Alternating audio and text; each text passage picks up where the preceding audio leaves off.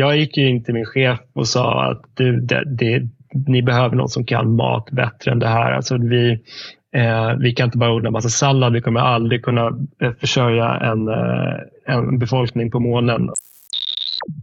Han ni hörde där heter Tor Blomqvist, för detta kock, men idag är han astroagronom. Och nu ska han se till att vi får gott käk i rymden också. Men innan ni får träffa Tor ska vi ta ett snack med UFO-arkitekten Michail. Han ska se till att vi också bor bra i rymden trots att det är kallt och radioaktivt och jävligt där uppe. Han forskar just nu på den svenska astronauten Marcus Wandt uppe i rymden med hjälp av en massa sensorer på Marcus kropp. Jag heter Rickard Sandenskog och det här är Dagens Tech, Sveriges största dagliga podcast om Sveriges techbransch. Jag börjar med att fråga Michail vad de egentligen vill mäta hos Marcus Wandt när han glider runt på rymdstationen den kommande tiden.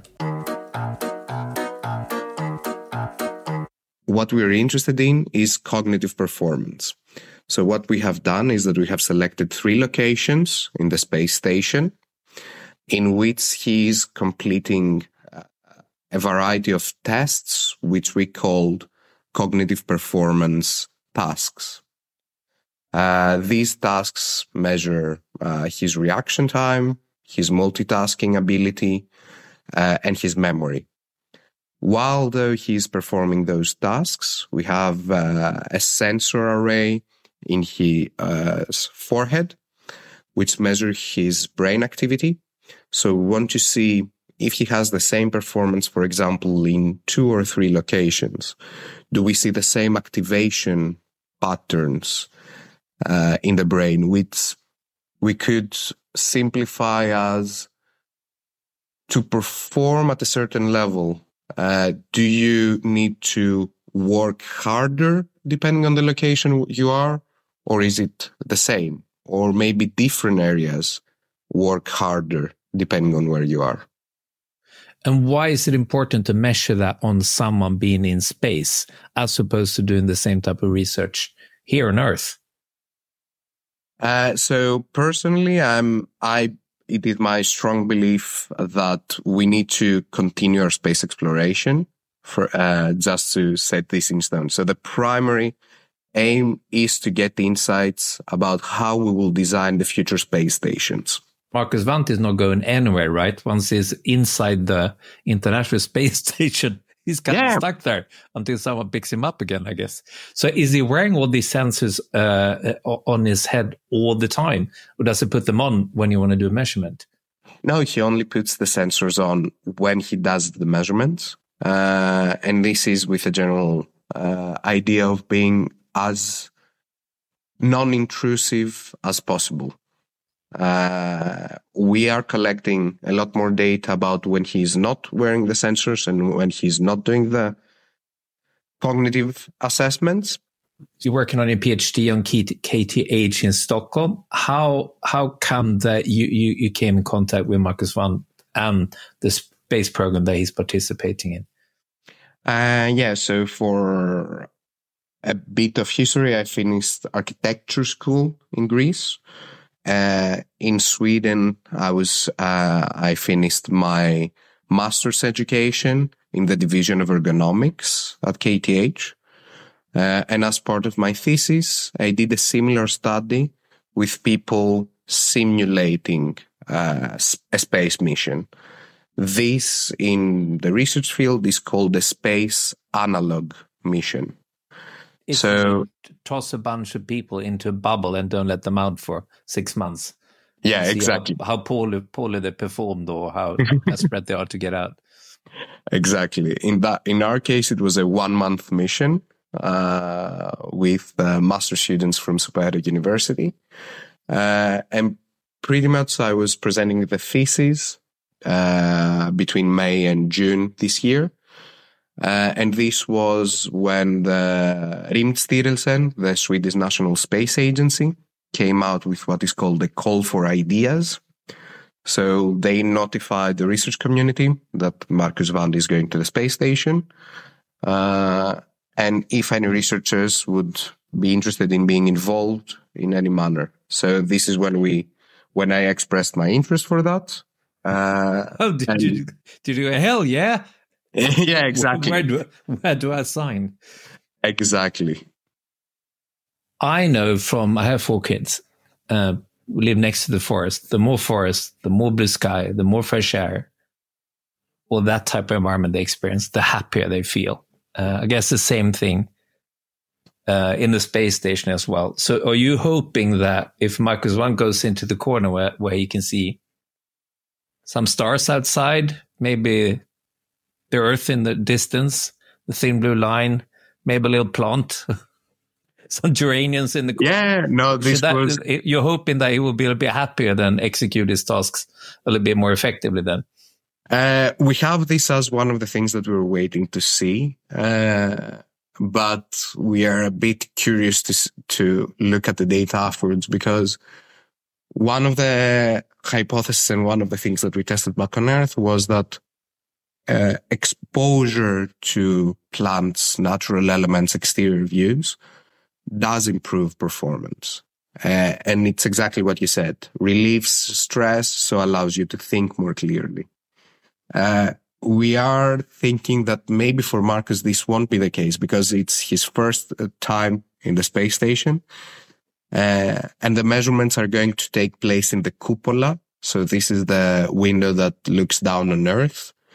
And this might be too much of a nice view, uh, for anyone that's, pretty that's, much. That's, that's yeah. the most human view of them all, right? Because yeah. you can see all over the Earth. You know, you can't see that from Earth even. Yeah, exactly.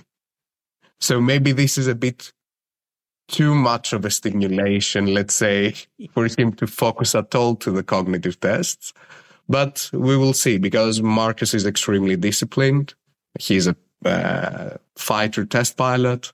So maybe we see no differences, but this is something that we're excited to see. Can I be a bit provocative? Yeah, of course. What, what I think you, you're talking about here, because you're saying that we want to convert these human needs into numbers and requirement.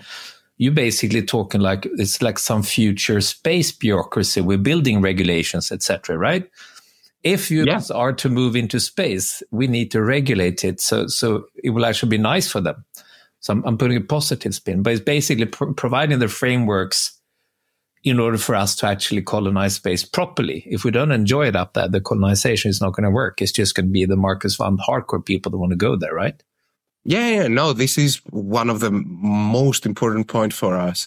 So this was something that I said that I would like to discuss a bit later in the interview, but it's exactly this, that as what we already see is that first of all, the national space agencies are starting to look towards the moon uh, and more missions around the moon. And at the same time, we have with what is called the new space movement, we have private companies moving into uh, the low Earth orbit. One of those companies is the company that actually is uh, leasing out the sp- the flight for Marcus, Axiom, which is building their own space station right now. So what we see as a general trend within the next 10 years is that both the number of missions and the number of people into space is going to be uh, increased in a radical uh, rate compared to the past years. But additionally, looking at the 50 or 100 year mark, uh, we expect even more people to go into space as we go into space manufacturing, space exploitation, and space colonization. So this is the reason that we want to increase and make better spaces. So not just Marcus Van type of people, let's say, can go there.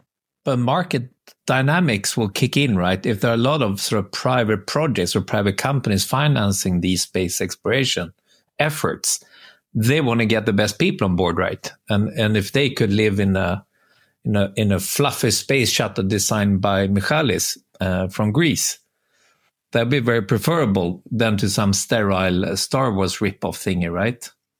Uh, so if you want to put billions of dollars into a mission or an exploration or whatever your activity is in space, you really, really want to minimize the risk of what you're doing.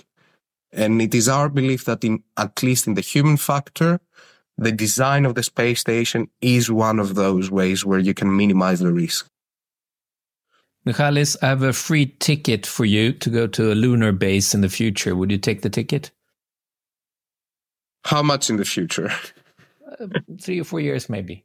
You will be one Ooh, of the pioneers. Three or four years, I would really have to think of it. If you told me 15 to 20 years, it would be a definite yes. Three or when four. When there are proper fridges and, and 50 inch TV screens up there. Or? When I can, uh, when I will be able to design my actual uh, place where I will be staying. Okay. Such demands. So, if listeners want to know more about you and your research, what do they need to do? Uh, so the best updated page will most probably be the page in uh, KTH. So they can either search my name in KTH and will reach my page uh, and the projects page. Uh, and in general, uh, probably on Twitter, UFO underscore architect. Uh, I might be posting there some stuff. Brilliant handle. Michalis, thank you so much and good luck with your research in the future. Thank you so much.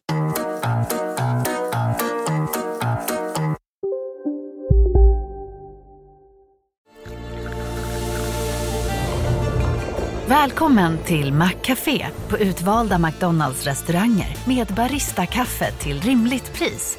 Vad sägs om en latte eller cappuccino för bara 35 kronor? Alltid gjorda av våra utbildade baristor.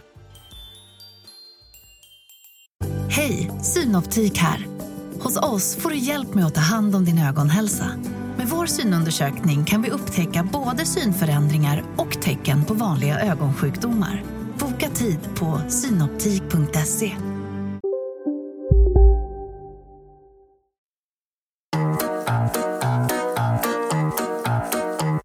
Det finns ordinära karriärer och så finns det karriärer som är lite coolare. Vi ska möta Tor Blomqvist. Han började som kock. Han flyttade ner till Paris, körde krogsvängen i några år, flyttade hem till Sverige, blev agronom fortsatte utbilda sig och blev astroagronom. Nu ska vi fråga honom hur länge vi egentligen behöver vänta innan vi kan käka en Skogaholmslimpa och ett glas O'boy-mjölk på månen. det är inte så långt bort och här jobbar vi med roadmaps. Jag sitter faktiskt själv på en kommitté eh, för eh, Space Generation Advisory Council också där vi ska skapa en roadmap för just food and nutrition in space. Men planen, eller roadmappen, och då kan jag säga att roadmappen eh, säger att vi ska ha en konstant mänsklig närvaro på månen 2028 för att sticka till Mars 2030. Så här kommer månen fungera som en analog till Mars, precis som vi, vi har, vi har växthus på Antarktis till exempel och liksom funkar som en bra analog till månen. Eh, så månen kommer fungera på ungefär samma sätt i mars. Men eh, här jobbas det redan nu på att bygga upp en hel infrastruktur på månen och eh, först ut i en ny rymdstation, Lunar Gateway, som kommer göra det enklare att ta sig dit och därifrån. Så att, eh, ska vi helt ärlig, alltså under 2030 har vi en hel infrastruktur på månen och det här är inte bara forskare utan det är privata aktörer, industrier och massa annat kul. Så det är inte, det är inte alls långt bort. Och, alltså, rymdstyrelsen runt om i världen, både ESA, NASA, de, här, de det är de som pushar också mer för att vi ska få mer privata aktörer att komma in i den här branschen så att de slipper göra allting. Så att de bara kan hyra in sig sen och göra det de ska göra. Du är ju en av de forskarna som just nu jobbar med att se till att det kommer finnas mat att både odla och äta på den här rymdstationen på månen och sen förhoppningsvis på Mars också. Mm. Vad, vad som en sån här trädgårdsodlare, liksom. Eh, jag tror att vi är klimatzon, vad är vi i Stockholm? Tre eller någonting sånt där, fyra kanske. Finns det klimatzoner på månen? Liksom, vad, vad, är det, vad är det man utgår ifrån? Är det, är det lätt att odla eller svårt att odla? Det, det känns som att det är nä, nästan till omöjligt. Exakt, och som tur var så, så odlar vi inte direkt på i jorden på månen. Men för att förklara det enkelt så, så lämpligheten för att odla beror ju på, på en mängd massa olika faktorer. Men eh, ska vi prata om rymden så bryr vi väl oss inte riktigt om externa faktorer. Eller jo, Eh, det är klart att vi bryr oss om externa faktorer. Eh, det är ju de vi faktiskt vill gömma oss från. Eh, och klimatzoner finns det väl inte riktigt, men vi har natt och dag så att eh, på runt ekvatorn på månen så under dagen så kan det bli kokande temperaturer och sen så blir det ju verkligen iskallt där på natten. Och, och hur lång är en, en dag och natt på månen? Jag tror att det, alltså det är 40 dagar eller någonting sådär. Eh, men eh, framförallt problemet med det här är ju, och det, det där kan, just längden på nätterna kommer jag inte ihåg exakt så, så ta inte mitt ord på det. Men problemet med månen är väl eh, också framförallt Eh, att vi har extremt mycket radioaktiv strålning eh, och sen så har vi mindre gravitationskraft och det försvårar nästan allt. Så att hur vi odlar det gör vi i specifika växthus där vi kan kontrollera varenda parameter. Vi använder oss av aeroponik så vi sprayar rötterna med näringslösning istället för att använda jord. Eh, sen så ska vi försöka använda oss av de resurserna som faktiskt finns där. Så vi kan inte skicka grejer dit nödvändigtvis. Så här kollar vi på hur vi kan utvinna näringsämnen ur, ur regoliten på månen. Alltså regoliten är då ordet för jorden på månen. Då. Eh, det heter samma sak på Mars. Eh, så att måndammet. Då. Eh, och eh, vi gör samma sak med vatten som finns infruset i kristallform i regoliten på månen. Sen så är det ju faktiskt några forskare här som, eh, som eh, kollar på um, hur vi kan göra fejkjord som går att plantera i av regoliten på både Mars och på månen. Och det är ett väldigt, väldigt intressant projekt. Givet att det är en internationellt samarbete, förs det mm. diskussioner runt vilken typ av grödor man vill odla. Vi, vi i Sverige vurmar för potatis, andra vill ha ris eh, och, och tredje vill ha något annat. Eller, mm. eller är det bara lämpligheten som det som passar odlingsmediumet som avgör? Nej, och det här är faktiskt en väldigt bra fråga och det är, något som jag, det är en fråga som jag drev också och lite hur jag fick mitt jobb. Eh, för att Just nu så kan vi börja med att säga att, att vi kommer ha diverse folk från alla möjliga olika länder där uppe och de måste ju, och mat som jag sa tidigare spelar ju på det kulturella så att vi måste ju ha olika saker. Men sen så framförallt från ett näringsperspektiv så det som folk kollar på nu det är mest att de, de titta på hur man kan odla massa olika typer av sallader som växer väldigt snabbt. Och Det här är ju ganska ointressant för att vi kan inte direkt överleva på rucola. Eh, så att eh, jag gick in till min chef och sa att du, det, det, ni behöver någon som kan mat bättre än det här. Alltså vi, eh, vi kan inte bara odla massa sallad. Vi kommer aldrig kunna försörja en, en befolkning på månen om, om vi bara ska trycka ut en massa isbergssallad och rucola i princip. Så vi måste kunna, vi måste kunna börja odla vete, potatis och allt, allt möjligt eh, av de här sakerna så att vi faktiskt kan ha en, en liknande eh, någonting liknande som, som, som det vi har på jorden. Eh, men, men, men, kan allting växa på månen? Eller vad, vad, är det som gillar att växa där? Det är ju liksom lägre gravitation gissningsvis. Ja, exakt. Och det här är något som vi undersöker också. Just hur, hur påverkar gravitationskraft? Hur påverkar radioaktivitet? Eh, hur, eh, de här olika parametrarna, hur växer, eh, eh, hur växer olika växter här? Och eh, vi har ju odlat mat på rymdstationen och det går, det går väldigt bra faktiskt. Och till och med, det kan till och med vara så att olika växter gillar viss typ av radioaktivitet upp till en viss nivå. Eh, och Eh, i eh, mikrogravitation så verkar de inte ha några problem. Sen så är det är lite andra... Ja, men, vi, vi, vi stannar där. Hur vet fröet mm. åt vilket håll det ska växa om det inte finns någon gravitation? Eh, det har andra sensorer. Det växer nästan alltid mot ljuset. Ah. Mm. Du kan faktiskt pröva och, och, att plantera ett träd eller någonting upp och ner. Eh, du kan se det i grottor ibland så växer träd neråt ut ur grottan, så upp mot ljuset. Matt Damon i filmen Mars, äh, heter den va? Uh, Martian va? Ja, Martian heter den ja. Han sa I'm gonna science the hell out of this. Uh, Exakt. Baseras det på verklig science eller såg du filmen och knöt näven i fickan? Jag har sett filmen men det, den baseras väl inte jättemycket på vetenskap kan jag säga. Eh, inte. Men, Gud vad synd. Ja, ja, visst är det tråkigt. Men så är det med filmer. Eh, och det är ju det är snarare tvärtom att det är roligt när man ser en film och tänker att oj, här har de faktiskt gjort sin research. Men eh, den filmen i alla fall, utan att ge den för mycket skit, det var en bra film. Eh, och den har faktiskt gjort ganska mycket för vårt område. För att eh, Jag pratade med en kollega från NASA och hon berättade att eh, hennes lilla labb som är på med, med just utveckling av mat och hur man ska kunna odla mat i rymden, hade, det, var, det var nära på att NASA la ner det programmet. Eh, och eh, Sen kom The Martian ut och sen så började det här eh, spridas bland, bland folket. Alltså, folk började prata om det och tycker att det är klart att vi ska odla mat på Mars.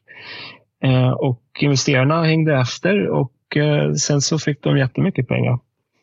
Så det, det kan göra mycket positiva saker. Vill du själv komma med upp till månen och äta din egen framforskade mat och bo där ett tag? Eh, jag är delad när det kommer till den här frågan. För att eh, jag vet ju vad som händer med kroppen rent fysiologiskt när vi åker ut till rymden. Och det är någonting som jag helst inte vill ta del av. Eh, framförallt så vet jag det vi inte vet med att åka till månen. Eh, för att rymdstationen är fortfarande hyfsat skyddad. Men, ska vi vara helt ärliga, hade jag fått frågan att åka till månen så hade jag inte sagt nej. du, det, det, känns ju lite som att det finns en äventyrsgen i dig. Det är väl delvis därför du sitter och forskar på de här grejerna du gör just Exakt, precis. Nej, jag, hade, jag hade nog verkligen inte sagt nej. Jag hade nog sagt nej till Mars, men inte månen. Avslutningsvis, hur kan man följa och eventuellt stödja ditt arbete? Eh, så det jag gör och håller på med, jag brukar faktiskt lägga upp lite saker på LinkedIn bland annat, men vill man följa den utvecklingen som vi håller på med på DLR och kanske inte vill sätta sig in i, i forskningsartiklar och sånt där kul, då ska man följa Eden ISS Project på Instagram. Där lägger vi ut allting vi håller på med. Eh, och eh, stöd behöver vi faktiskt alltid. Det här behöver framförallt spridas, att detta är en grej. Jag vill att folk ska prata mer om mänsklig rymdfärd och att vi ska uppmärksamma detta och att det faktiskt finns. Och sen så att det finns mer till rymden än bara rymdraketer och satelliter. Sen måste vi få igång Sverige på det här för att vi halkar helt ärligt efter. USA och Kanada och hela Asien är liksom mil framför oss. Hela Europa är, har förstått det här men Sverige verkar inte ha fattat att det här är en grej. Ehm, sen så mer stöd såklart så, så, så kan man ju alltid skänka pengar till våra projekt. Tack Tor Blomqvist. Och eh, jag tror lycka till från alla med arbete och göra det möjligt för oss att kolonisera inte bara månen utan även Marsen på lite längre sikt. Tack så mycket. Absolut, tack själv. Där avslutar vi veckans tema med New Space. Hoppas ni har haft det kul. Nästa vecka är det äntligen Music Tech. Då möter vi människorna bakom Spotifys punkiga lillebror och sen entreprenören som vill att vi ska investera i Shoreline. Okej? Okay? Och sen bolaget bakom det här ljudet.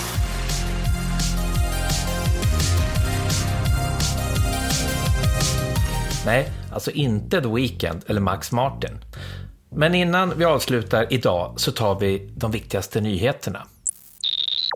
Om några veckor så kommer du kunna ladda ner alternativa App Stores till din iPhone det är Apple som till slut har gett med sig mot EU och nu tvingas acceptera att deras monopol på appdistribution är bruten.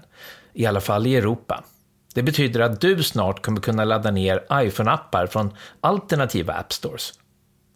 Men får jag gissa så tror jag inte att det kommer påverka dig som slutanvändare särskilt mycket. Apputvecklaren är fortfarande begränsad av Apples egna API-er så det är alltså inte fritt fram att bygga vilka appar man vill, som med jailbreakade telefoner. Bara att man kan distribuera dem genom alternativa kanaler. Jag är nog ganska säker på att både App Store-konkurrenterna och Apple själva kommer dra igång en episk katt och råtta-lek nu när de försöker utmana varandra med gränsdragningar och hur man ska tolka EUs nya lagtexter. Svenska e-handlaren BHG Group rapporterade sitt helår 2023 igår också. De hette tidigare Bygg Hemma och de har tappat 90% av sitt börsvärde de senaste åren på den här sura marknaden. Framförallt så har de haft det tufft att få ihop gruppens spretiga portfölj av förvärvade bolag. De säger att det fortsatt, fortsatt surt där ute i stugorna. Svenskarna vill fortfarande inte renovera. Men Börsen blev i alla fall glad över rapporten och skickade upp bolaget med 10% under fredagsmorgonen.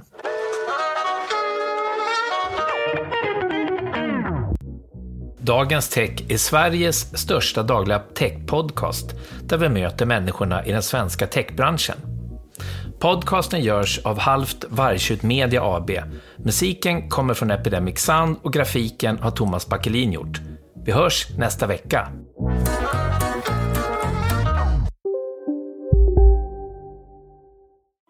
Hej Sverige! Apoteket finns här för dig och alla du tycker om. Nu hittar du extra bra pris på massor av produkter hos oss. Allt för att du ska må bra. Välkommen till oss på Apoteket. Big Mac har miljarder fans över hela världen. Under mer än 50 år har den skapat popkulturell historia. En legend med 100% nötkött och den mytomspunna såsen. Nu finns Big Mac för bara 39 kronor på McDonalds. Hörni, gänget! Vad är vårt motto? Allt är inte som du tror. Nej, allt är inte alltid som du tror. Nu täcker vårt nät 99,3 procent av Sveriges befolkning baserat på röstteckning och folkbokföringsadress. Ta reda på mer på 3.se eller i din 3-butik.